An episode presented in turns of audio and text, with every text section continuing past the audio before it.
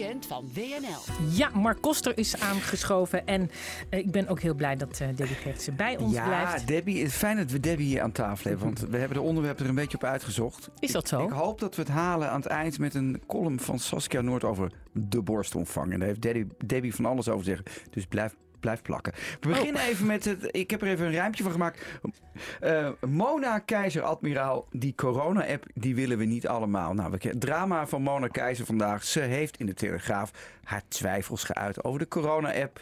Wat mij betreft best goed onderbouwd. Um, maar ze is ontslagen omdat dat niet helemaal de lijn van het kabinet is. Nou is het leuker dat... Voor, als niet helemaal, gewoon niet. Nou, daar gaan we dan zo over hebben. Nou, het grappige is dan meteen ook dat politieke gedoe eromheen. Uh, Hoekstra, die in dat kabinet zat, die dankt haar voor haar werken. Nou, je weet, die twee die waren wel oké. maar Hugo de Jonge stuurt gewoon het de ontslagbrief in zijn tweet mee. Met andere woorden, de dolk in de rug. Dag Mona, je mag vertrekken. Um, en bij deze, ja, misschien leuk voor het argument. De Debbie zit er, jij zit er. Ik vind dat wel mooi dat zo'n staatssecretaris haar geweten laat spreken in de Telegraaf. Een groot interview. Ik vind ook dat ze wel een punt heeft. Hè. En het gaat niet, niet eens zozeer om die corona-app, maar de inconsequentie daarvan. Hè.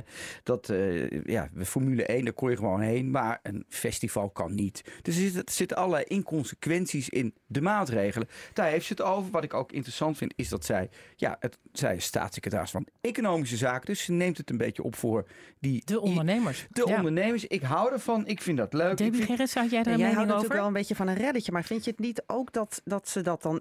bedoel, is, ja. is de krant dan wel de manier? Moet ja, je dat niet ik, intern ik voelde eerst aan dat jij, met je, dat jij hier een soort heel keurig betoog nou, houden. Zo keurig is dat niet, toch? Nee, ik, dat vind ik ook heel goed dat het niet zo keurig is. Maar ik vind dat... dat dat ik vond het, wat ik wel leuk aan Mona Keizer vind, dat het een soort. Ze, heeft het, ze zei ja, ik vind, ben het er eigenlijk niet mee eens. We hebben die discussie. Nee, maar gevoerd. wat zij zei was op zich uh, iets wat heel veel mensen in Nederland uh, ook uh, ja, beamen. ik kan er altijd voorlezen. Maar, en, maar ze zegt het in de Telegraaf en ja, Prachtig, ja, niet in, in Den Haag. Moet je dat inderdaad, precies. Maar, Moet je dat niet eerst intern nou, eventjes doen? Nou, ik vind in deze discussie over die, die corona vind ik niet dat, dat het een soort goed of fout is. Dat vind ik geloof ik niet. Het en, is gewoon.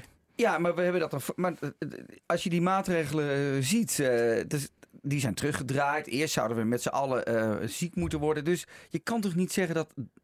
Ik vind het goed dat zij haar twijfels uitspreekt over deze maatregelen. En ook de inconsequentie daarvan. Dus ik neem het een beetje op van Mona Keizer. Ik vind het goed Fijn, dat... Mark. En ik vind het flauw. Eigenlijk vind ik het zielig en flauw dat ze dan een brief krijgt. Je bent ontslagen. Wat, wat, ik vind het, ja, hoort Goed, dat was, uh, dat was het Ja, Telegraaf. of Groot nieuws. We hebben Nou, het al ja, heel nee. veel over gehad in Ja. de WNL op zaterdag.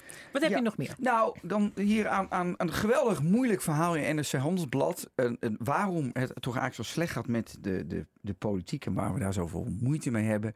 André Bosman, VVD, ex-VVD-Kamerlid. Ik kende hem niet. Jij, Debbie? Nee, nee. Jij mag Vertel. André Bosman, vertel. Heel streng. nou, André Bosman. Dat doe ik als ik het niet precies weet. Nee, nee, nee, Ga ik heel precies. Vertel. Ja. Dat die is voorzitter van een commissie die maandenlang onderzoek zoek deed naar, de, naar waarom die relatie tussen de burger en de overheid zo slecht was. En er komen toch een aantal pijnlijke dingen aan, vooral over de Kamerleden. Slechte uitvoering door overheidsdiensten is het gevolg van, quote, een quote, slecht kamerwerk. Het is natuurlijk veel leuker, en daar ging vandaag de dag ook weer over, om met veel lawaai schande aan de interruptiemicrofoon te roepen, dan te moeten constateren dat je je werk niet, zelf niet goed hebt gedaan. Ik vind dat interessant. En het Kamerlid Omzicht, waar wij, dat mag ik wel zeggen, wij zijn daar toch een beetje fan van. Hè, ehm, dat die dus deze week ook kwam van, nou, we hebben dit met elkaar afgesproken. En dan heeft hij zo'n staartje, is een enorme nerd. En er is niets van terechtgekomen. Dus dat vind ik dan wel mooi dat André Bosman, die daar, die zegt, Kamerleden, koop nou ook eens een spiegel. Kijk er nou eens in. En dan is de constatering toch wel dat je eigenlijk slecht werk levert. En dat je dat dan op anderen afschuift. Ik vond dat een mooi verhaal. En zeer genuanceerd. En een zeerig opgeschreven. Maar een goed stuk. Wel twee pagina's. Ik denk wel 3000 woorden, Debbie. Dus je moet niet te veel bier Ik kan drinken. dat aandenken. Ik, ik Ja, denk dat ik dat aankom. Nee, Lekker. niet omdat je nou hier blond zit te zijn. Oh. Helemaal niet. Maar het gaat me erom dat, dat je dat toch even geconcentreerd Ja. moet lezen. Ja, dat Nee, maar goed, dat is Nee, de ik ga daar van, van, van heb ik jou daar. Dat, dat, dat Ja. het zou helpen als er goed burgerlidmaatschap is. En dat dat de, de nou. kloof zou, zou slechten tussen burger en. dat en vind je een cliché. Ja, maar het is een cliché, maar het cliché wordt nog niet goed ingevuld. Oké, dat kan. Nou. Dat vind ik. Goed, maar dan, wat mij betreft, het mhm. leukste interview van het weekend met Michel Peridon.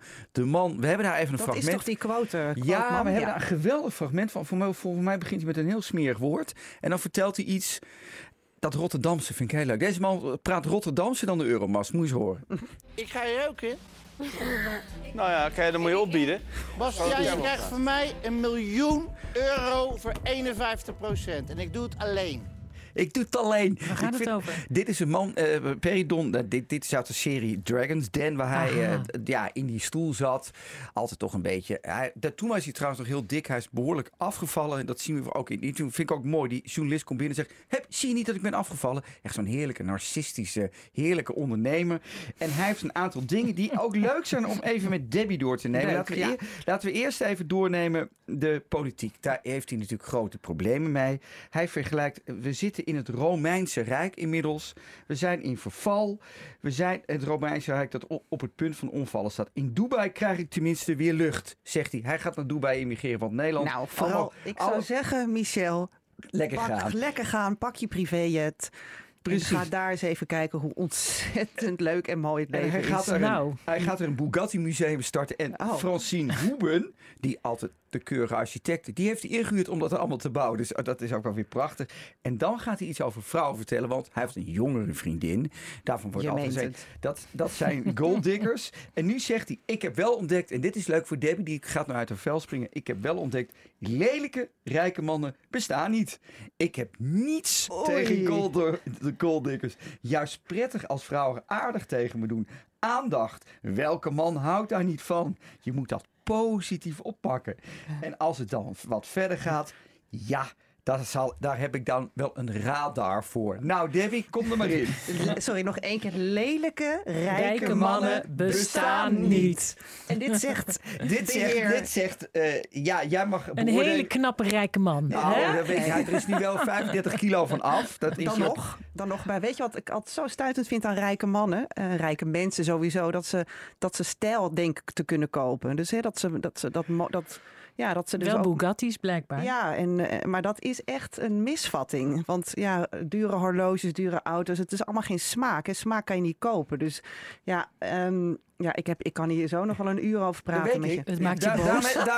dit, is, dit, is, dit is niet eens een voorzet die erin getrapt wordt. worden. Ik hoef niet eens voor te zetten nee. Debbie wordt al woedend. Nee, precies. Dus daarom ga ik, ook, ga ik me even inhouden. Want het is te makkelijk dit. Dit is gewoon te makkelijk. Dan Saskia Noord. Ook voor mevrouw Gerritsen uitgevonden. Nu, nu hoorde dat je hier zat. Ik heb nog een minuut. Dus ja, Saskia Noord um, is een vrouw die Cup A heeft. En in een geweldige column heeft geschreven dat het, het plaatsen van grote borsten slecht is. Ze noemt Kate Moss als een voorbeeld. En ook haar oma, die zij op 83 jaar leeftijd voor het eerst naakt zag. En toen zag ze dat ze kleine borst had. En zij vindt dat absoluut tegen borstvergroting, wat is ook levensgevaarlijk. Nou, dat is het vooral. Het is, en het is gewoon heel gevaarlijk. En ik denk dat we sowieso eens moeten gaan praten over waarom het gemak waarin jonge vrouwen zichzelf laten, aan zichzelf laten sleutelen. Dat bedoel ik ook met borsten, maar ook lippen, uh, neus, uh, botox, fillers. Dat is echt ongelooflijk. En volgens mij ligt daar een, een, een dieper, dieper liggend probleem. Goed zo. We zijn rond met Debbie Gerrit.